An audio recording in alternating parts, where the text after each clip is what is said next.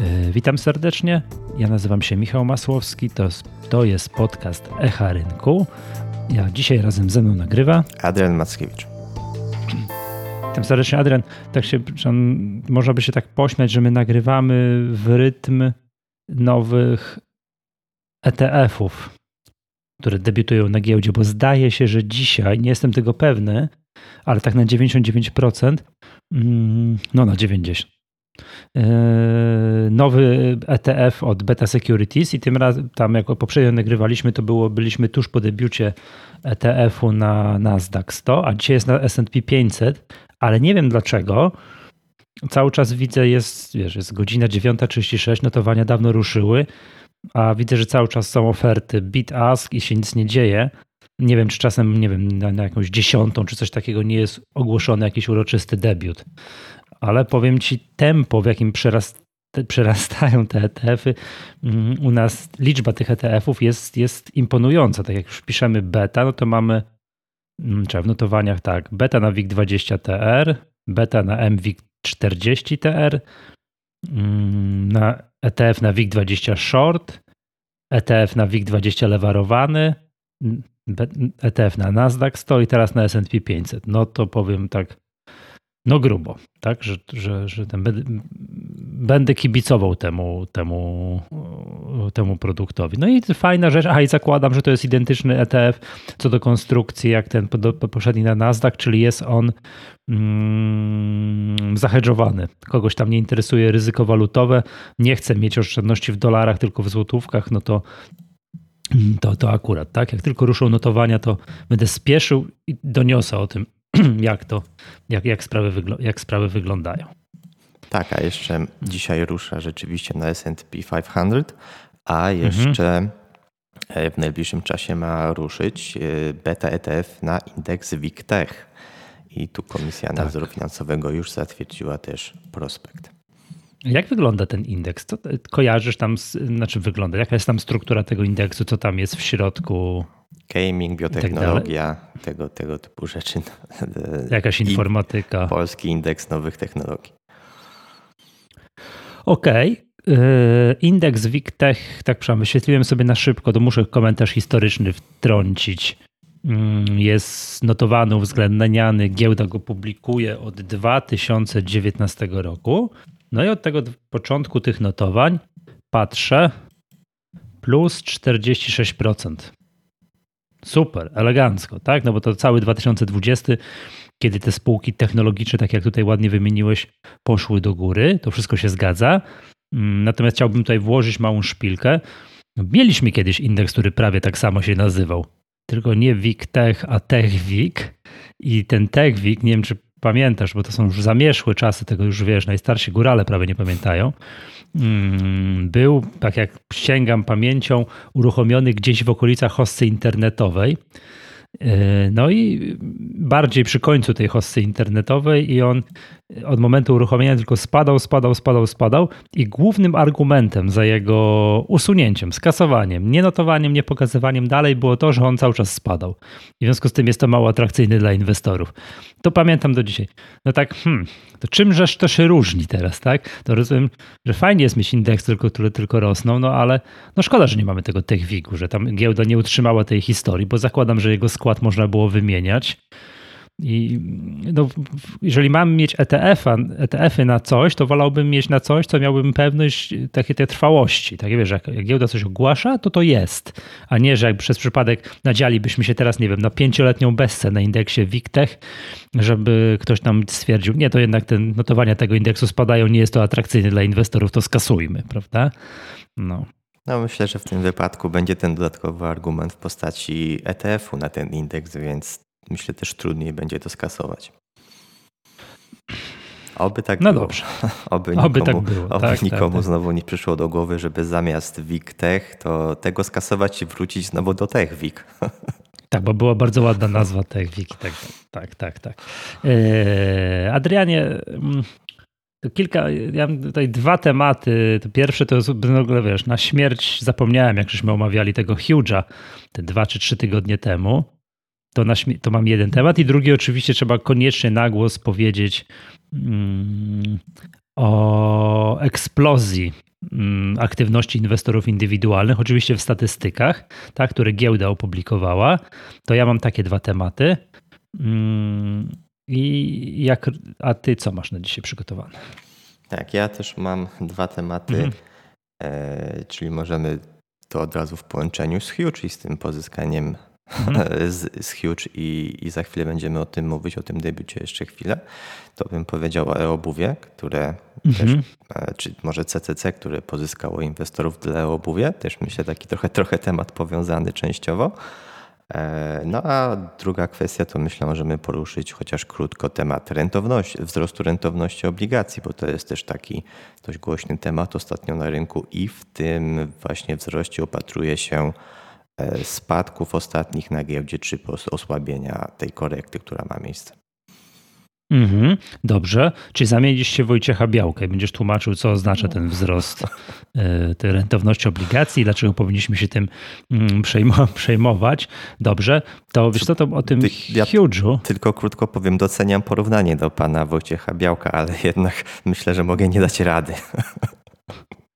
Zobacz, Adrian, w poniedziałkowy poranek, jaki komplement ci tutaj niechcący powiedziałem. Także tak, oczywiście jest... gorąco pozdrawiamy pana Wojciecha Białka. Panie Wojciechu, tutaj, mm, to tutaj, że porównałem Adriana do pana, no to, to chciałem tutaj dowartościować kolegę po drugiej stronie mikrofonu. A, a nie na odwrót. E, tak. Mm, dobrze. Wiesz o tym Huge'u, bo mówiliśmy o tym ostatnio, patrząc na, no, no, na marny ten debiut tego Huge'a, co tu tutaj dużo, dużo mówić, to już kompletnie wyleciało mi z głowy, po prostu miałem zaćmienie, a przecież najważniejsza, znaczy najważniejsza, bardzo ważna rzecz z punktu widzenia inwestorów, no, którzy tak no, interesują się tym rynkiem gamingowym, to jest fakt, że mm, spółka Ultimate Games też wzięła udział w tym, y, w tym IPO. No i ja chciałbym to publicznie obśmiać i tak trochę postawić się na miejscu akcjonariuszy spółki Ultimate Games, bo, bo tak, no bo to jest tak, yy, i zapytać się tak dokładnie, ale o co chodzi tak w ogóle, tak? Bo to jest tak, Ultimate Games zapisał się na akcję Huge'a za kwotę, uwaga, 9 milionów złotych. 9 milionów złotych i tylko, nie wiem, dzięki szczęściu, i to szczęście jest, nazywa się 97% redukcja, dostał tych akcji na samym końcu za raptem 270 tysięcy złotych. Tak? I Ultimate Games znowu szczęście numer dwa. Sprzedali te akcje, no tam dosłownie sekundę po debiucie, kiedy one jeszcze były na jakimś takim mikroplusie. I uwaga, zarobili 12 tysięcy złotych. Tak? Angażując 9 milionów na sam, tak, przez różne sploty okoliczności, nazwijmy to, zarobili, mm, zarobili 12 tysięcy. No wyobraźmy sobie na chwilę, że A, nie ma takiej dużej redukcji, B, jednak zdecydowali się tego nie sprzedawać, no to gdzie dzisiaj byłoby, ile dzisiaj byłoby warte te, te, te 9 milionów? No huge, mimo że akurat tu dzisiaj, jak rozmawiamy, no tam akurat dynamicznie odbija całe plus 3%, to wciąż jest na kilkunastoprocentowym minusie w stosunku do ceny debiutu. Ja teraz chciałem zadać pytanie tutaj, nie wiem, do, tak publicznie, tak, czy, czy zarząd mm, Ultimate Games nie ma co robić z pieniędzmi i nudzi się i spekuluje sobie na akcjach innych spółek? To jest jakby pierwsze pytanie. Drugie mm, jest takie, że być może są spółki, no i jest cała masa spółek, które mają na tutaj, no nie wiem, na podorędziu, w kieszeniach spodni ogromne wartości gotówki. Tak, bo to nie wiem, bez, zarobili, mają z, z, debiutu i tak dalej, i tak dalej i nie wiem, traktują to jako poduszkę bezpieczeństwa, żeby w ciężkich czasach po prostu mieć gotówkę, no bo wiemy, cash is king i tak dalej. Czy ta gotówka nie powinna służyć, nie wiem, a zabezpieczeniu właśnie bezpieczeństwa spółki, przyszłym inwestycjom, a jak już naprawdę nie ma co z nimi zrobić, to może by tak dywidendę wypłacić, jakiś buyback zrobić, albo ogłosić może jakąś, że jakąś grę się napisze za te pieniądze. No, powiem tak, no, ja rozumiem, że są inwestorzy, fundusze, którzy spekulują na akcjach innych podmiotów, że kupują, a no na tym, na tym gra giełdowa polega, tak? Ale że spółka giełdowa spekuluje na akcjach innej spółki giełdowej, no to powiem szczerze, że to jest dla mnie, to, to, to jest dla mnie dziwne i ja tutaj wiem, otwieram szeroko oczy i, i powiem tak, jakie, jakby mi ktoś teraz przyszedł i powiedział, no dla mnie tak, zaufanie do spółki Ultimate Games jest tak nadszarpnięte, bo nigdy, bo teraz po takim numerze, to nigdy nie wiem, co stwierdzą sobie że na czym sobie teraz będą spekulować. Ja rozumiem, że Elon Musk spekuluje na Bitcoinie i to na o wiele większą to teraz, skalę. Teraz ci na chwilę wejdę słowo, naprawdę no, rozumiesz? Dobra. E, nie, nie rozumiem, nie rozumiem, ale nie. Rozumiem, że mogli się zapatrzyć na Elona Muska, o może tak, nie? Rozumiem, że zarząd Ultimate Games mógł się zapatrzyć na Elona Muska i, i, i popatrzeć, a ile, ile, ile coś, coś za miliardy, tak? Te, te, tego bitcoina kupili, prawda? To, to coś w miliardach liczone, to my za drobne 9 milionów za, zainwestujemy w akcje innej spółki growej i w ogóle sprzedamy to już na debiucie jak zawodowi spekulanci, tak? No, tu jeszcze takie tłumaczenie zarządu, czytam tłumaczenie zarządu pana Mateusza Zawadzkiego, prezesa zarządu Ultimate Games. Inwestycji w IPO Huge Games dokonaliśmy z nadwyżki gotówki naszej firmy. No, no, no wiadomo.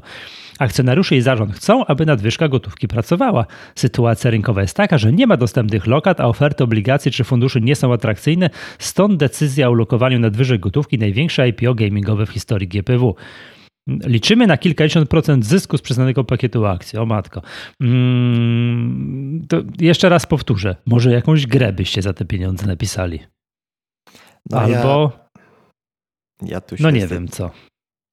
Ja się zdecydowanie przychylam do Twojej opinii, Michał, i też kompletnie nie, nie rozumiem takiego działania. I też patrzę na to przez pryzmat, tak jak powiedziałeś, zaufania, bo no okej, okay, można powiedzieć, że, że udało się uratować tą inwestycję w Huge'a i ostatecznie spółka na tym nie straciła. No nie powiedziałbym, że zarobiła, no bo powiedzmy sobie szczerze 12 tysięcy w skali e, na Ultimate Games to raczej, raczej też nie są jakieś, jakieś e, poważne pieniądze, szczególnie, że spółka miała 9 milionów i, i, i za tyle się zapisała. No natomiast e, no to, to, to jest to kluczowe pytanie, skoro już teraz spółka dała sygnał, że, że sytuacja na rynku jest taka, że nie bardzo jest gdzie lokować te, te pieniądze i spółka uważa, że jest, no, nie, nie ma jakichś atrakcyjnych alternatyw bezpiecznych, no to pytanie, gdzie jeszcze te pieniądze potem pójdą. I moim zdaniem to jest o tyle niebezpieczne, bo jak inwestor e, chce kupić akcję Ultimate Games, no to on chce kupić te akcje, dlatego że spółka ma jakieś portfolio gier, tworzy jakieś gry, ma na tych grach zarabiać. Y, no i to jakby jest jego ekspozycja na, na to ryzyko, że gra albo się uda, albo się trochę mniej uda, tak? albo kompletnie nie wyjdzie. Natomiast no, tu nagle teraz pojawia się dodatkowy czynnik ryzyka, że spółka zacznie spekulować pieniędzmi i no, wie, wiemy, jak to jest przy, przy spekulacjach. Tak? Nie, nie każdy teraz się, się udało. No, tak, teraz się udało, a pytanie, tak. co będzie w przyszłości. Tak to znaczy teraz, teraz się udało o tyle, że spółka nie straciła i to już było sukcesem. E, mhm. I, i, to, no i to jest niebezpieczne, tak? no bo no nie, nie po to została powołana spółka Ultimate Games i nie to powinno być jej core biznesem z spekulacja. Tak? I jest, jestem ciekawy też, jak wyglądał ten proces decyzyjny od jakby wewnętrznie, tak? I szczególnie ten, jak, jak, jak, jakie były nastroje i w trakcie debiutu, czy na początku debiutu, gdzie no już na starcie tam było na zero, na 50 zł, czyli po tyle, po ile się inwestorzy zapisywali i i, i ile, nie wiem, tam mogło się pojawić nerwów y, związanych z, z, tym, z tym z debiutem i, i, w ogóle też jakby to wpłynęło na przykład na, na morale i jakieś też opinie na temat spółki, jeśli chodzi o to, jakby się rzeczywiście się nie udało i trzeba było wręcz wykazać straty. Tam prezes, prezes nawet mówił, że z własnych pieniędzy jakieś straty pokryje, no, natomiast moim zdaniem no, to kompletnie, kompletnie nie o to chodzi i no i mam nadzieję, że w tym wypadku spółka, myślę, trochę się sparzyła i może to też jest jakiś argument za tym, że więcej już takich pomysłów e, nie będzie. No i być może był to też jakiś sygnał dla rynku, że gdyby inne spółki też nie wiedziały, co robić z własnymi pieniędzmi, bo mają tam powiedzmy jakieś e, na długo zabezpieczone finansowanie i E, no to może to też jest jakiś przykład, żeby jednak nie iść w tym kierunku i nie spekulować na rynku przy okazji IPO, czy za chwilę się okaże, że, że może będziemy grać pod jakieś premiery, tak, że tam, nie wiem, weźmy, weźmy Cyberpunka, tak, Naj, największa premiera, mam, mam, e, czy najbardziej oczekiwana gra 2020 roku, jest jakaś spółka gamingowa, który, która ma dużo pieniędzy, nie ma co z nimi zrobić, no bo tam będzie je systematycznie wydawała w najbliższych kwartałach, tworząc grę. E, lokaty są nieatrakcyjne, no to zainwestujmy w, cyber, w CD Projekt pod premierę Cyberpunka, bo, bo musi się udać, tak? No to, to, to, już, to już dojdziemy do jakichś kuriozalnych sytuacji. Więc mhm. zdecydowanie myślę, myślę, to najważniejsze jest bezpieczeństwo i to, żeby, żeby tych pieniędzy było coraz więcej. Natomiast no, inwestycje, jeśli spółka nie jest spółką inwestycyjną, nie, nie ma w statucie takiego obszaru działalności, no to w mojej opinii nie powinna, nie powinna takich, takich rzeczy robić, po prostu jakieś bezpieczne. No, niech już będą te, te lokaty. No teraz lokatami jest problem taki, że, że jeśli chodzi o instytucjonalnych, no to, to wręcz trzeba do tych lokat rzeczywiście dopłacać. To, to jest pewien problem, no ale zawsze, zawsze możemy spróbować e, też jakichś bezpiecznych funduszy rynku pieniężnego. Tak? No, no są alternatywy, ok, one dzisiaj nie są jakoś wysoko oprocentowane i nie generują wysokich stóp zwrotu, ale moim zdaniem nie o to chodzi e, w przypadku zarządzania pieniędzmi w, czy środkami pieniężnymi w spółkach. Tak, no wyobraźmy sobie na chwilę, że tej redukcji by nie było, a debiut nie byłby na zero, tylko byłby na minus te kilkanaście procent i spółka byłaby przykładowy 1 milion złotych do tyłu w chwili obecnej. No jak byśmy to tłumaczyli? Znaczy myśmy. Jak byście Państwo tłumaczyli to akcjonariuszom? Tak. No, są, są mechanizmy rynku kapitałowego, które rozwiązują tematy takie, że jeżeli spółka uważa, że ma za dużo gotówki, żeby coś z nimi zrobić, już mówiliśmy, dywidenda, buyback, to się da rozwiązać. Tak, także, a jak nie, no to nie wiem, inwestycja w kolejne, nie wiem, poszerzenie działalności, no można sobie tutaj chwilę pogdybać, tak, co, jak i tak dalej. Oczywiście tu jeden wyjątek jest taki, że spółka chciała się, mogłaby zapisywać się na akcję konkurenta po to, żeby mieć długoterminową ekspozycję, udział w akcjonariacie, może w przyszłości myśleć o powiększeniu tego, no tam wiadomo, tak, jakaś konsolidacja rynku, żeby konsolidować rynek, to trzeba mieć akcję, mm, akcję konkurenta, tylko że tu chyba nie o tym mówimy, ten Ultimate Games, czekaj, no ten to, to ile to, to jest warte? To chyba jest, to chyba na odwrót, tak? To, to jest spółka, która jest warta całe 147 milionów, a ten huge nawet po spadkach 3,5, 3,6 miliarda. Więc o, o, jakiej konsolidacji tutaj mówimy? To chyba więc patrzymy na to, obiektywnie oceniamy. Czysta, zwykła spekulacja, która fuksem zakończyła się takim na, prawie na zero. No, no, rzeczywiście tutaj chyba ten czynnik szczęścia zadecydował, że jakoś udało się wyjść obronną ręką. No i mhm. jednak trzeba, no myślę po części trzeba też oddać spółce, że jednak wyszła jeszcze na plusie, no bo to powiedzmy tam okienko nie było zbyt duże, żeby tam zysk zrealizować na tym tak, IPO. Tak, tak, więc tak, tak brawo za timing. Brawo tak. za trzymanie ręki na enterze i tam stryknięcie tego od razu na dzień dobry. Brawo, brawo, oczywiście. No. Dobrze, mm, już zostawmy tego Huge'a, dajmy im żyć, może się, czy ten Ultimate Games, dajmy im żyć, niech się opamiętają, grozimy palcem, tak, i pytamy się, no naprawdę, mm to to jest to. E, przejdźmy do tego tematu, co, co mówiłeś, czyli, że CCC mm, chce sprzedać kawałek e-obuwia ile chcą sprzedać i komu i jakie są warunki tej transakcji, bo to jest bardzo ciekawe z punktu wyceny, wyceny całego CCC. No właśnie, to jest dość ciekawy temat, o którym już też mówiliśmy wcześniej i okazało się, że ci inwestorzy, z którymi spółka negocjuje, no pewnie było ich więcej, no ale ostatecznie stanęło na, na cyfrowym Polsacie, co moim zdaniem no jest dość, dość dużym zaskoczeniem i na A&R Investments, czyli spółce powiązanej z, z Rafałem Brzoską i, i Inpostem, tak? Czy, więc to, to już jest jakby moim zdaniem ta bardziej ciekawa strona dla CCC. Więc CCC e, posiada obecnie no, w przybliżeniu tam 75% e-obuwie z możliwością mhm. wykupu do 100% i będzie chciało z tej opcji skorzystać, a obecnie w tej transakcji chce sprzedać 20% akcji. E, czyli po 10% dla każdej z tych stron, e, po 500 milionów złotych, czyli całe obuwie było wycenione na 5 miliardów złotych tak. w, tej, w tej transakcji. Mm. Całe e-obuwie 5 miliardów. Mhm. CCC jest na giełdzie warte 5,22 miliarda. Aha, ale mają 80. Czyli powiedzmy tam 3,75 miliarda złotych to jest e-obuwie przy tej cenie. Właśnie, bo próbuję liczyć, tak mhm. wiesz, bardzo z grubsza, e, ile warte jest e, fragment niebędący e-obuwiem CCC. Czyli te wszystkie sklepy stacjonarne i tak dalej. 1,5, 1,6 miliarda.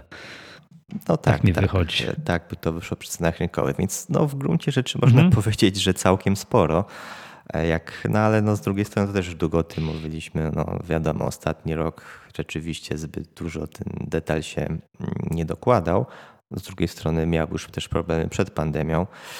E, no natomiast, e, no nie wiem, wydaje mi się, że poniekąd ta transakcja chyba nie była jakimś bardzo pozytywnym zaskoczeniem mimo wszystko i tu przyznam szczerze, najbardziej interesuje mnie udział cyfrowego Polsatu, bo to jest moim zdaniem bardzo ciekawe raczej wydawało mi się, że to, e, że to CCC chce pozyskać inwestora, no wiadomo, z jednej strony finansowego, no bo tam te środki też się przydadzą oczywiście. No, miliard złotych piechotą nie tak, chodzi. Dokładnie.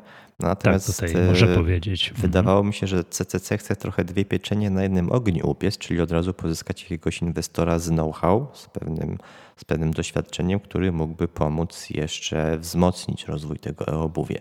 Tymczasem negocjacje są z cyfrowym Polsatem i sytuacja jest wręcz odwrotna, e, czyli cyfrowy Polsat e, to cyfrowy Polsat chce pozyskać know-how od e-obuwie.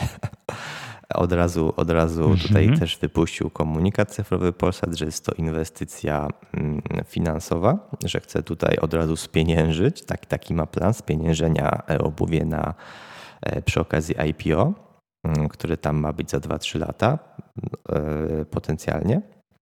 I, I też powiedział, e, powiedział cyfrowy Polsat, że chce zdobyć know-how, bo też przejął Interię i w związku z tym e, no, liczy na to, że czegoś tam się o e-commerce dowie o te obuwie, czyli sytuacja jest zupełnie hmm. odwrotna i to inwestor, który wchodzi do obuwie, to on chce pozyskać e, jakiś know-how, a, a nie odwrotnie. Dla... Zobacz jaka, zobacz, jaka sytuacja. Przed sekundą obśmialiśmy tu publicznie Ultimate Games za spekulacje, za inwestycje tak na rynku. Okej, okay, no to jest trochę inna sprawa, bo oni to nie, nie, nie kupują tego obuwia na day trading, tak? Żeby coś tam, może chociażby spółka nie jest notowana, więc nie za bardzo jest jak, no ale tak trochę powiedziałbym, ta inwestycja tak troszkę, przepraszam, ni z gruszki, ni z pietruszki. Nie? Wiesz o co chodzi, nie? Że mhm. cyfrowy Polsat, który wiemy, czym się zajmuje, kupimy sobie kawałek e-commerce'owego biznesu, wiesz, w branży sprzedaży butów. Hmm.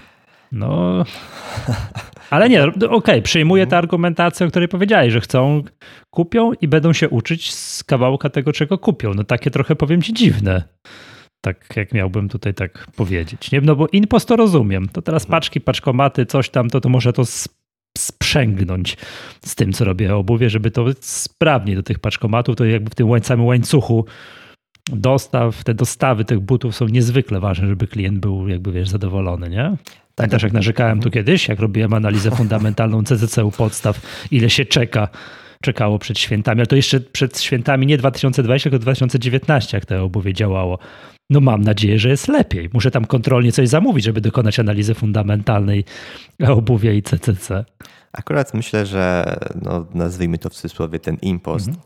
czy ten, ta spółka, która, która zarządzała e, impostem, myślę, że tutaj akurat pewne know-how też może, może do obuwia wnieść, mhm. no bo jednak ten proces, tak jak mówisz, logistyka, transport, to, to, jest, to jest bardzo ważne i nawet ostatnio widziałem e, webinar z panem Rafałem Brzoską i on właśnie mówił, że no sukces impostu nie polegał na tym, że spółka wymyśliła jakieś jakieś, e, no nie wiem, pudła czy, czy kontenery, w których tam, mhm. do których tam można gdzieś postawić i, i odebrać w nich, e, w nich paczkę, przesyłkę, tylko no, całym problemem była logistyka, żeby to było szybko, sprawnie i nie czekało się tydzień na tą dostawę do, do tego paczkomatu, tylko żeby to trwało e, no 24 godziny, tak? I, i to, to, to jakby było największym wyzwaniem i w tym, w tym upatruję sukcesu, jaki odniósł Impos i paczkomaty.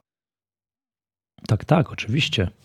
No nie, tu, tu rozumiem, tu rozumiem. No ale jeszcze, okej, okay, dobra, zostawmy na chwilę to, jakby jeszcze raz tutaj zawrócę do tej wyceny całego CCC, jak to pokazuje, jak się świat zmienił. prawda?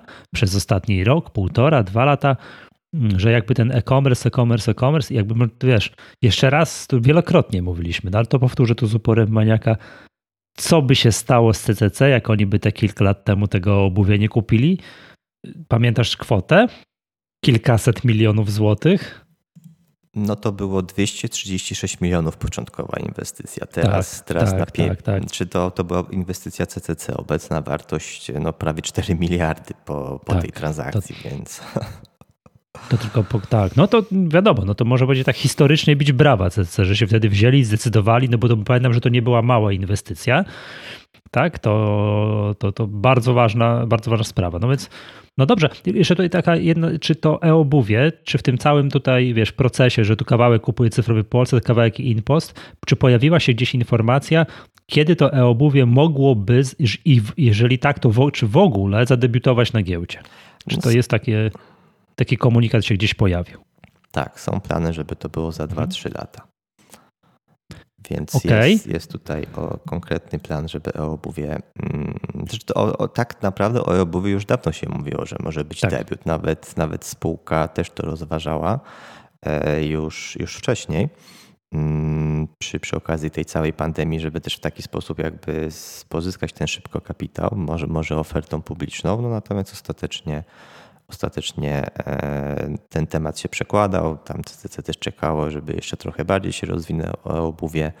E, natomiast teraz, teraz plany są na 2022 lub 2023 rok. Rozumiem, bo to tak patrząc na to, ile to e-obuwie stanowi już procent w wycenie CCC całego, gdzie można postawić taki mały znak zapytania, o co chodzi, jeżeli dlaczego mają być notowane na rynku dwie spółki, z których jedna to jest 80% tej drugiej. Tak? To tak mniej więcej na chwilę obecną te proporcje są mniej więcej takie. Wiadomo, jakby, jakby tak kiedyś szczęśliwie pandemia minęła, to, to, to, to CCC stacjonarne troszeczkę by odżyło, prawda? No ale na chwilę, chwilę obecną to no ciężko stawiać takie prognozy. No zobaczymy. No dobra, to dopiero za ile mówisz? 2023? No dwa lata, tak, Dwa lata musimy poczekać. No, no dobrze. Co najmniej.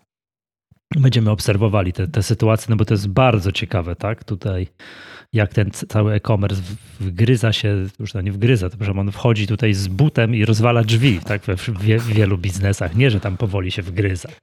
Tak, to jest to. to, to, to. No, dzisiaj e-commerce to chyba przyszłość no, praktycznie każdego sklepu. I to te, też może tak mm -hmm. krótko nadmienię, że jak, jak mówimy e-commerce, to pierwsze, co nam się pewnie kojarzy, to B2C, czyli, czyli business to consumer, czyli, czyli dla, dla klientów detalicznych. E, natomiast to jest ciekawe, że B2B, czyli business to business, to też jest obszar, e, który wręcz jest jeszcze większy niż, niż B2C, o którym trochę mniej się mówi. Wiadomo, my jako, jako, jako e, powiedzmy często klienci indywidualni, no to, to, to, to też mamy nie mamy z tym styczności aż takiej. Natomiast ten B2B to też jest taki obszar, który bardzo mocno się rozwija i to jest moim zdaniem też kolejny czynnik, dla którego e, no ogólnie perspektywy dla rynku e-commerce już takiego szerzej rozumianego, no to, no to, to, to, to, to jest moim zdaniem bardzo proste, tak? bo my jako klienci bardzo nam się podoba kupowanie przez internet, jest to wygodne, szybkie i tak dalej. Więc czemu by tego nie przenieść na, na biznes, tak? Czyli właśnie szczególnie, że mamy no, kolejne pokolenie młodych ludzi, którzy wchodzą na rynek i żyją w smartfonach i wszystko robią przez smartfony. E, już też dzisiaj zamiast się dzwonić, to pisze się na czacie, tak? Z firmą. Nie, nie mhm. dzwoni się do firmy, tylko jest tam jakiś e, live chat i, i, w, i w taki sposób e, wolą młodzi, młodzi to wszystko robić i, i tak, tak samo to się potem przenosi na biznes, tak? Zamiast dzwonić do, do klienta, to wolą albo sobie przejrzeć, czy, czy, czy do spółki jakiejś innej, wolą sobie przejrzeć na, na jakiejś stronie internetowej ofertę, zapytać o coś na, na live czacie i, i może nawet dokonać tego zakupu, więc, więc e, e-commerce to jest taki dwu, dwuwątkowy temat, który i w B2C i B2B bardzo myślę, że ma bardzo tutaj dynamiczne znaczy może to, to, to jest przyszłościowy temat rozwojowy i, i, tu bym zwrócił uwagę, że ten B2B to też jest taki moim zdaniem bardzo mocna noga ogólnie do wzrostu tego biznesu. Mhm. Patrz jak tutaj ładnie już utożsamiłeś te wszystkie czaty takie na stronach ze spółką LiveChat. Już po prostu wiesz, tak, wiesz o co chodzi. Tak jak pieluszki dla dzieci nazywa się zwyczajowo pampersami, mhm, prawda? Tak, mimo tego, że Pampers no, to jest jedna z marek, a tych przecież producentów tych marek, tych pieluszek jest, jest, jest, jest o ile więcej, a to tak te czaty takie na stronach, nie, no to, to jest live chat, nie? To tak. No myślę, że tutaj to... spółka live chat mhm. to rzeczywiście rozbiła bank z, z nazwą. Mhm. tak, ale to, bo to z Wrocławia, to dlatego, tak? Przecież tak widziałem, że to, to, to według naszego wrocławskiego klucza. A jeszcze jak sobie tak rozmawiamy o naszym wrocławskim kluczu fajnych spółek działających w rynku e-commerce i tym razem B2B, na który zwróciliście uwagę, no to oczywiście Team, tak, który też tam kilka lat temu bardzo postawił na, mm, na, na ten e-commerce. No i dzisiaj w czasach pandemii to okazuje się, że tak, tak, bardzo dobrze, że zrobiliście to, to, to wiele, lat, wiele lat temu, a nie, a nie, nie zwlekaliście z tym. Także super. Dobrze? No i tu właśnie moim mm. zdaniem pod kątem tego B2, B2B bardzo ciekawy temat. Mm. Kto by pomyślał, że kable będziemy kupować przez internet, tak? No bo jednak team, tak, tam największa, największy ten asortyment to jednak są kable różnego rodzaju, przewody. I kto by pomyślał, -hmm. że to będziemy kupować przez internet. Tak, zgadza się. No, tak, bo to, że tam kupujemy przez internet, no nie wiem co. No coś tam na Amazonie teraz, tak o, właśnie mamy Amazon w Polsce, to też będziemy obserwowali, jak to się, jak to się, jak to się zmienia, chociaż widziałem, że w pierwszym dniu, jak e, inwestorzy zobaczyli, jak działa ten Amazon, tak to był taki jeden dzień, że akcje Allegro bardzo podskoczyły do góry, tak, że zaczęli, właśnie, że a, oferta krucha, słaba, ma, tak, to taki powiedzmy sobie debiut na pół gwizdka, prawda? Tam no. się pojawił cały raport, że nawet Allegro ma lepsze ceny w niektórych produktach. Tak, no ale to wiadomo, to też ten, tego Amazona trzeba będzie obserwować, no bo to, to bo jednak co by nie był światowy, światowy gigant. Dobrze, przejdźmy do tego tematu, tego, tego, co zasygnalizowaliśmy wcześniej, czyli tego udziału inwestorów indywidualnych w obrotach. To jest news z piątku.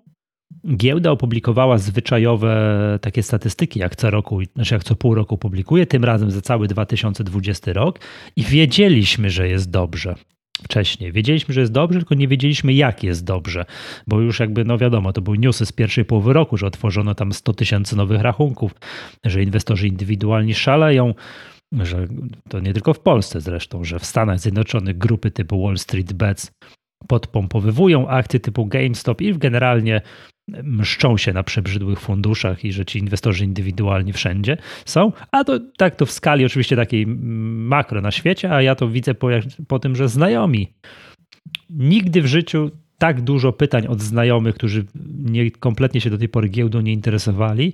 Nigdy w życiu nie miałem tak dużo pytań, a kupiłbym coś tam albo w co tu zainwestować, a może w tego bitcoina, to też są takie pytania, to aż strach odpowiadać. Hmm, kupić. Więc jest, to zainteresowanie jest ogromne, nie wiedzieliśmy jakie. No to teraz w końcu mamy, giełda opublikowała te dane i przypomnijmy, że do tej pory zwyczajowy udział inwestorów indywidualnych w obrocie akcjami na rynku podstawowym, podstawowym to było jakieś tam 12-13%, czasami troszeczkę więcej, ale tak, nawet jak podskoczyło w jakimś kwartale, to w kolejnym i tak wracało do 12-13%. No i w 2020 roku jest to szokujące 25%. Bardzo, bardzo wysoka liczba. 25% udziałów inwestorów indywidualnych w obrocie akcjami na rynku podstawowym. I to nie dlatego, że pozostałe grupy inwestorów, czyli inwestorzy instytucjonalni polscy, inwestorzy instytucjonalni zagraniczni osłabli, tylko dlatego, że myśmy się tak wzmocnili, więc siła. Po prostu rewelacyjnie. Ciekawe, jak to tak i, jak to nam ci inwestorzy zostaną. No nie jest tajemnicą, to już przedstawiciele biur maklerskich mówią, że 2020 rok to był, zdaje się, najlepszy rok w historii pod względem no, opłacalności biznesu. Ile to ci inwestorzy indywidualni wygenerowali obrotu, jak się rzucili z powrotem na rachunki, na otwierali i tak dalej, i tak dalej, narobili obrotów. Więc super, więc 25% inwestorów indywidualnych. Zobaczymy, jak to się dalej potoczy, bo zakładam, że to jest bardzo dużo inwestorów takich, mm, którzy właśnie no, korzystają na tej, skorzystali w 2020 na podwyższonej zmienności, tudzież na marcowo-kwietniowych super atrakcyjnych wycenach, co po niektórych yy, walorów. Więc to jest tak, 25% na rynku podstawowym, Na rynku New Connect, gdzie i tak zawsze rządzili inwestorzy indywidualni, gdzie zawsze mieli te 70 parę, 80 parę procent udziału w obrotach, to w 2020 92%. Tam praktycznie nie istnieją pozostałe grupy inwestorów, no ale to oczywiste jest, bo tam są siłą rzeczy malutkie spółeczki, którymi inwestorzy instytucjonalni to tak z, z przypadku, no nie chciałem, że z przypadku, ale tam naprawdę jest ciężko inwestować jakimś funduszom no, ze względu na skalę spółek. Na rynku instrumentów pochodnych, no, kontrakty terminowe i tym podobne, to już mówię, nie, przepraszam, na rynku kontraktów terminowych inwestorzy indywidualni 41%.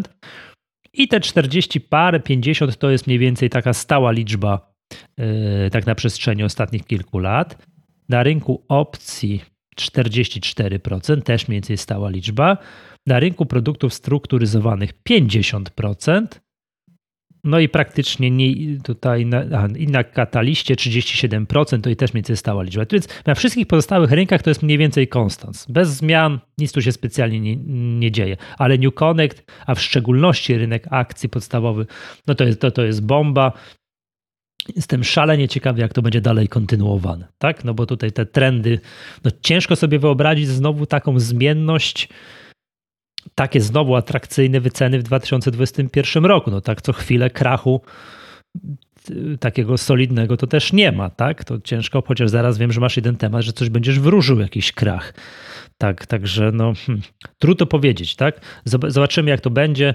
No, mam wrażenie, że jakby tutaj dwie grupy inwestorów się rozwijają, albo nawet trzy. Pierwsza to jest ta, co to właśnie spekulowała w 2020 na gamingach, covidach i fotowoltaikach. Druga grupa jest taka, co to jednak interesuje się rynkiem ETF-ów, ale ona zazębia się z trzecią grupą, bo to są nie tylko polskie ETF-y, ale też coraz śmielej zaglądają w kierunku ETF-ów zagranicznych. I trzecia jest, czy jest trzecia grupa inwestorów, o której należy wspomnieć, to są, to są tacy, którzy bardzo interesują się rynkami zagranicznymi. Ten trend też już widać, te bariery cenowe znikają. Ta możliwość inwestowania na rynkach zachodnich czy to przez polskie, ale w szczególności przez zagraniczne biura maklerskie jest coraz łatwiej. To, są te, te, te, instrumenty, te dostępne, nie ma już jakichś takich no, ogromnych barier cenowych, jak było kiedyś, więc ta grupa inwestorów inwestujących no, w Stanach Zjednoczonych, na przykład w amerykańskie spółki dywidendowe, też bardzo, te też, te też rośnie. Więc mamy ewidentnie wzrost we wszystkich tych trzech grupach. No, jestem szalenie ciekawy, jak to, jak to będzie w kolejnych tutaj półroczach tych raportowanych przez giełdę papierów wartościowych. No ja jeszcze raz bym podkreślił, że to moim zdaniem jest tutaj bardzo ważne, że ten wzrost udziału inwestorów indywidualnych odbył się przy naprawdę no, fenomenalnych obrotach, tak? bo jeszcze w 2019 roku obroty dla GPW to były powiedzmy 200 e, miliardów złotych, a w 2020 roku było to już ponad 300 miliardów złotych.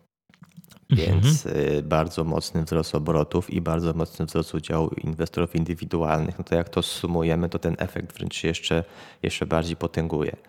Jak, jak tak. chętnie inwestorzy rzeczywiście ruszyli na rynek i myślę to, co też warto zaznaczyć, e, ruszyli indywidualnie, tak? Bo znaczy indywidualnie w sensie, że, że sami inwestowali, bo jednak ten udział instytu instytucjonalnych polskich e, inwestorów, no on z kolei mocno zmalał w tym, e, w tym udziale, więc rzeczywiście pozakładaliśmy rachunki, powpłacaliśmy pieniądze i inwestowaliśmy sami. Ale dobrze, bardzo dobrze, bo to, to, to o to chodzi, nie? To już wiesz, wiadomo, niskie stopy procentowe na całym świecie nam pomagają, tak, inwestorzy.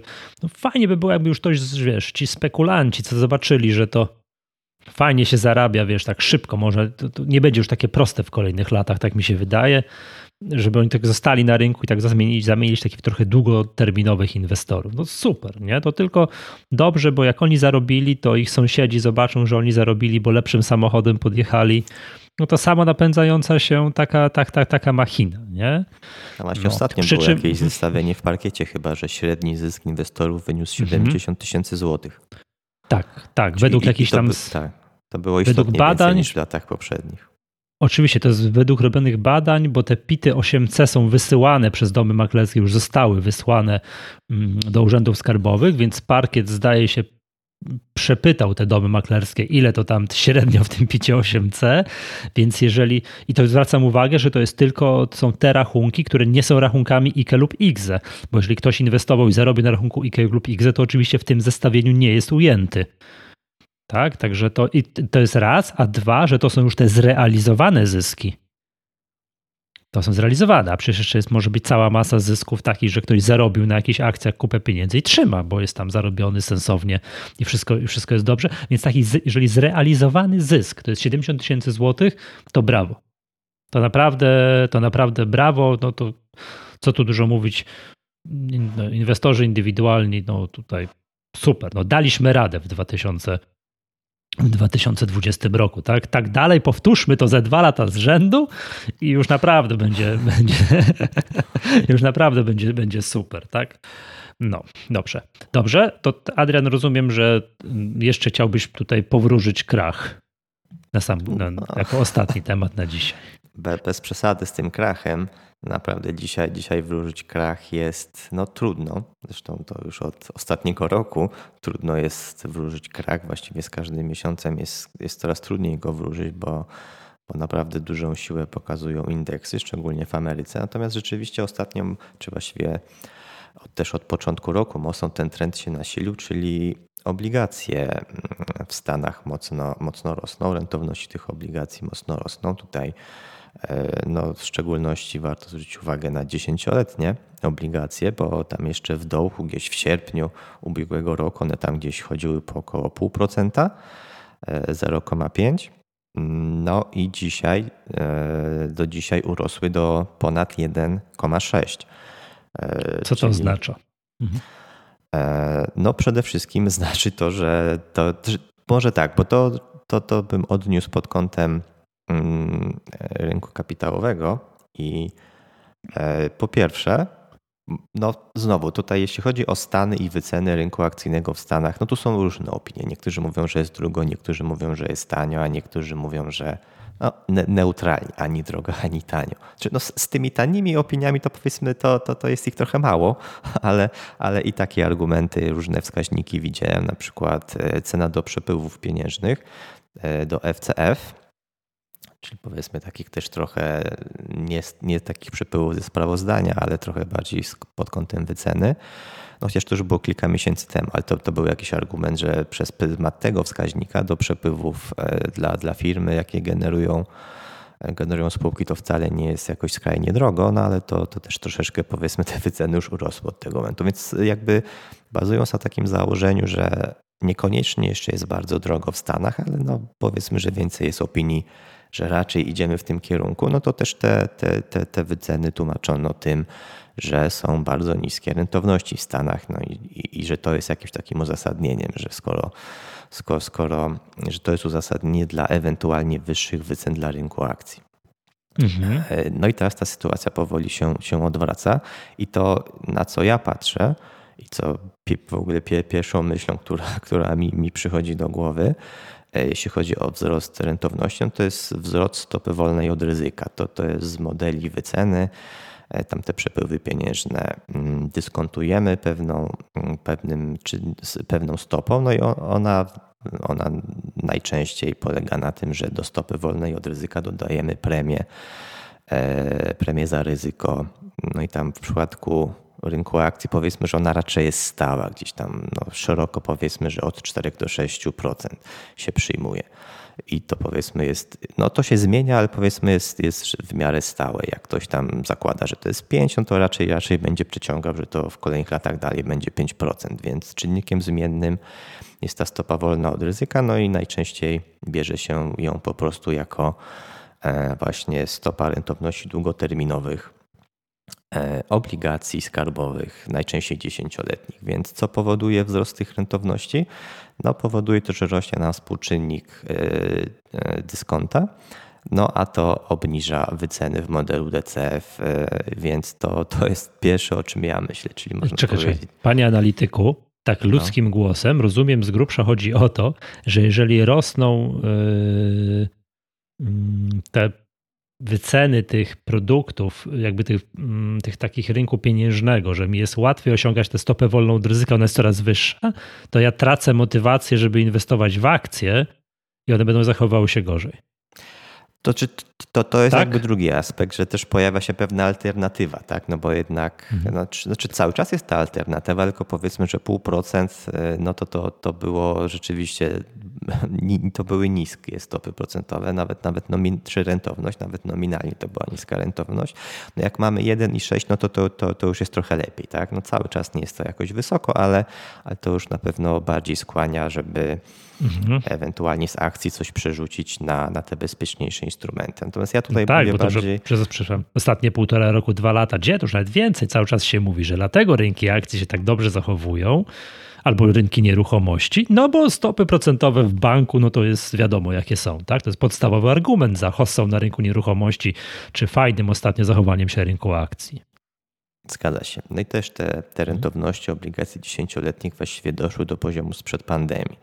E, czyli tam z lutego 2020 roku. Mhm. No i, no i to, to, o czym ja mówiłem, to to jeśli chodzi o modele wyceny DCF, dyskontowanych przepływów pieniężnych, no te stopy rentowności raczej nie wpływają na prognozowane przepływy pieniężne, więc one pozostają stałe, a jak rośnie nam współczynnik dyskonta, no to maleje nam wycena firmy, więc jeśli ktoś stosuje te wyceny, no to a, a, no, a jednak instytucjonalni stosują, więc, więc y, mhm. oni, ma, oni jednak decydują o, o rynku w bardzo dużej mierze. E, Choć no troszkę dla... mniejszym niż ostatnio. No, ale, tak. ale, ale, cały, ale cały dobra, czas dobra. jednak mają, myślę, to, są tą główną siłą. No i to. Przepraszam, to ja tu cały, przepraszam, ja tu cały czas pękam z dumy, jak myślę o tych 25%. E, no tak, to zdecydowanie powód do dumy i mhm. oby oczywiście ta sytuacja została. No ale, ale wracając już i tutaj stawiając kropkę, no to po prostu ten wzrost, wzrost obligacji bezpośrednio przekłada się na niższe wyceny tak naprawdę. Wzrost mm -hmm. rentowności obligacji. Mm -hmm. A kiedy ostatni raz taka sytuacja miała miejsce? Potrafisz tak, wiesz, jak Wojtek Białek sięgnąć i pokazać, wiesz, jakieś przykłady z historii, czym to później skutkowało na rynku akcji? E, no, przyznam szczerze, aż tak dokładnie nie, nie przygotowywałem się pod tym kątem do podcastu, bardziej, bardziej może wytłumaczeniem wpływu tej rentowności, bo to jest jakiś głośny temat ostatnio. E, mhm. No natomiast e, to, to znaczy, no, to dużo się też mówi o o różnicy między stopami rentowności w długim i w krótkim terminie. I wcześniej z reguły było tak, że jak one się tam przecinały, e, czyli rentowności krótkoterminowe były wyższe niż długoterminowe, to zawsze zapowiadało krach na rynku i to właściwie no, znaczy teoria, że to się sprawdziło w 2020 roku jest taka trochę, można powiedzieć, naciągana, no bo te, te rentowności rzeczywiście się tam przecięły i wskazywało to na, na jakiś krach, tam już chyba pod koniec 19 roku to było, no ale potem, potem się okazało, że krach spowodowała pandemia. No czy rentowności przewidziały pandemię? taka trochę dyskusyjna kwestia, tak? Natomiast gdybyśmy patrzyli czysto na dane, no to można powiedzieć, że te ruchy na, na rentownościach obligacji amerykańskich no przewidziały krach. Tylko jakby no, okazało się, że powód jest zupełnie niepowiązany jakby z tymi, z tymi przepływami, bo, bo po prostu wynikało to z pandemii. Więc, więc to, to można powiedzieć, że, że po raz kolejny się sprawdziło. E, I, i może, może pod takim kątem jakaś taka ciekawostka też tutaj do, mhm. do, do powiedzenia. Dobrze. E, gdzie to śledzić? Jak ja bym się chciał zapoznać z tymi rentownościami, tak, bo gdzieś tam wiesz, nigdy nie śledziłem, a teraz bym chciał śledzić, to na jaką stronę mam wejść albo jaki instrument obserwować? To obligacje są normalnie notowanymi instrumentami i można nawet mhm. na stuku, czyli na tym najpopularniejszym. Podaj mi jakiś ticker, coś tam, żebym sobie też to wyświetlił. Najprościej chyba wpisać e, bond, czyli, czyli po angielsku obligacja, tak, bond tak. i tu e, z, no, po, po, poza, poza jakimś ETF-em pojawi się e, w podpowiedziach i amerykańskie i polskie dziesięcioletnie obligacje. O, faktycznie wzrosły. No tak, ok, czyli tutaj mogę sobie to śledzić. Dobrze. Tak, no tak, bo tu no. widzę kilku, wielo, wieloletni trend spadkowy. Tak, no to wiemy, jak to jest, a i tutaj w końcóweczce jakieś takie mikroodbicie. Okej. Okay. Dobrze. Dobrze, Natomiast ja myślę, tymczasem... Że, mhm. no bo tak jeszcze na początku zapowiedziałeś, że jakiś krach chce wieścić. E, krachu wieścić nie chce, to często mówimy też na tych naszych webinarach cotygodniowych, e, analitycznych, że jest sporo wskaźników wskazujących przegrzanie i no E, na rynkach akcji i natomiast no, te rynki akcji dalej, dalej rosną, tak? Więc e, raczej bym nie, nie upatrywał powodu do jakiegoś wielkiego kraku w związku z tym, że te e, rentowności obligacji rosną, no jakieś może wyhamowanie, ochłodzenie nastrojów, natomiast myślę, że do krachu E, potrzebujemy czegoś więcej. No chyba, że rzeczywiście w, tak mówiąc kolokwialnie te rentowności by w kosmos odleciały, no to, tak. to, to, to, to już mogłaby być e, taka dość, dość kolejny poważny sygnał na to, że, że ten jakiś sentyment do rynków akcji może się pogorszyć. No plus trzecia fala pandemii, to zawsze sobie możemy znaleźć jakiś, jakąś przyczynę. Tutaj ja mm, tymczasem, tak, Adrian, w ogóle yy, to chcie, odeślijmy w tym momencie do Twoich czwartkowych, tradycyjnych webinarów analitycznych. Widziałem, że miałeś ostatnio 4 godziny analizowania wykresów, tak? To tyle czasu. Ja bym Dobrze, tylko krótko dodał, że, że, że mm, Rzeczywiście w dużej części mówimy o wykresach. No, nie jestem w stanie śledzić wszystkich spółek z giełdy, więc nie, nie o każdej jestem w stanie się też wypowiedzieć powiedzmy fundamentalnie o jakichś perspektywach, mhm. wynikach i tak dalej. Natomiast no, o tych spółkach, o których jestem w stanie, które śledzę mniej czy bardziej, to oczywiście opowiadamy sobie też pod kątem analizy fundamentalnej.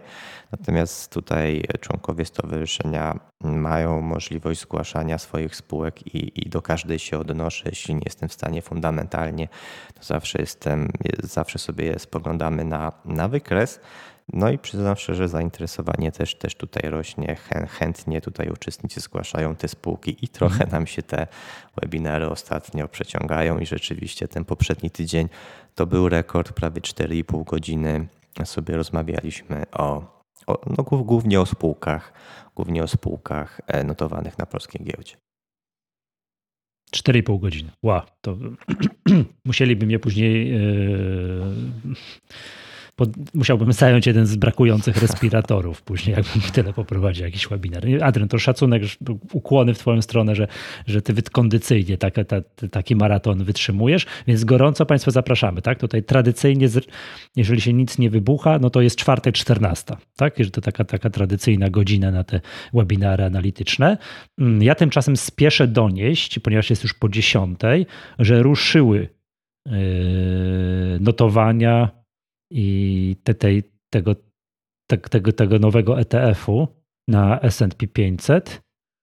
Mm, no tak, jest. Czyli musiał być debiut uroczysty o 10 podejrzewam. Dlatego właśnie były przeciągnięte, przeciąg, przeciągnięte. Na razie widzę całe dwie transakcje, wolumen 18 sztuk na 1200 zł, więc jeszcze bez szaleństw, no ale pierwsze koty, pierwsze koty za płoty. Jeżeli ktoś chciałby sobie kupić takiego ETF-a, to być tym razem to dyskutowaliśmy, że poprzedni ten Nasdaq, no to raczej technologiczne bardzo spółki, to te, a, ta, a ten S&P 500 to tam jest o wiele więcej spółek, nazwijmy to starej gospodarki plus, plus spółki finansowe, więc jest trochę banków, jest spółek typu General Electric i tak dalej, jakichś spółek wydobywczych, jakiś, jakiś tam Exxon, jakiś Walmart, Coca-Cola, PepsiCo i tak dalej, i tak dalej. Tak, to wszystko, to wszystko jest w S&P 500, więc tutaj też to jest już taka możliwość. U nas na polskiej giełdzie nie trzeba szukać za granicą.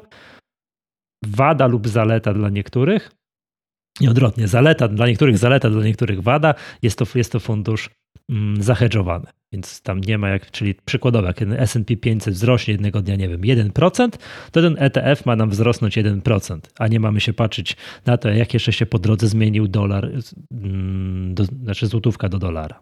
No i tyle, tak? Więc ruszyło ja, ja. Mhm. i będziemy kibicowali, żeby to się ruszało z większego kopyta niż jak, niż jak ruszyło z samego rana. Ja tak na koniec pół żartem, pół serio e, dodam. Mam nadzieję, że ten ETF na S&P 500 nie startuje akurat przed jakąś większą korektą, bo w Nasdaqu trochę tak wyszło, że, że niedługo później nam ten indeks trochę zanurkował. Była jakaś korekta, oby, oby tym razem nie było powtórki. Mm -hmm. Ale dobrze, dobrze, to już żeśmy tutaj, wiesz, to musi być jakby, wiesz, takie inwestowanie, tu ETF-y i tak dalej, to wielokrotnie, to już bardzo mi się podoba to sformułowanie, to jest maraton, a nie sprint, więc to, czy to w danym momencie coś tam spadło, wzrosło, nie ma specjalnie, mm, nie ma specjalnie znaczenia, tak? Oby nie było jak z tej wigiem tam lata temu, że to Tak, no nie, no bardziej, jak, nam bardziej, jak nam, bardziej, jak nam tak. S&P 500 skasują indeks, no to będzie koniec świata. A nie, to, to znaczy, że trzeba szukać maczugi i konserw i to nie będzie miało znaczenia, jakie, jakie, jakie, mamy, jakie mamy instrumenty finansowe w portfelu. Dobrze, yy, zbliżamy się do końca. To chyba tak, to wszystko na dzisiaj. To mam nadzieję do zobaczenia tam, do usłyszenia, przepraszam, w, już, już w, w kolejnym odcinku podcastu Echa Rynku. Ja nazywam się Michał Masłowski. Tu z nami Adrian Mackiewicz. Do usłyszenia następnym razem.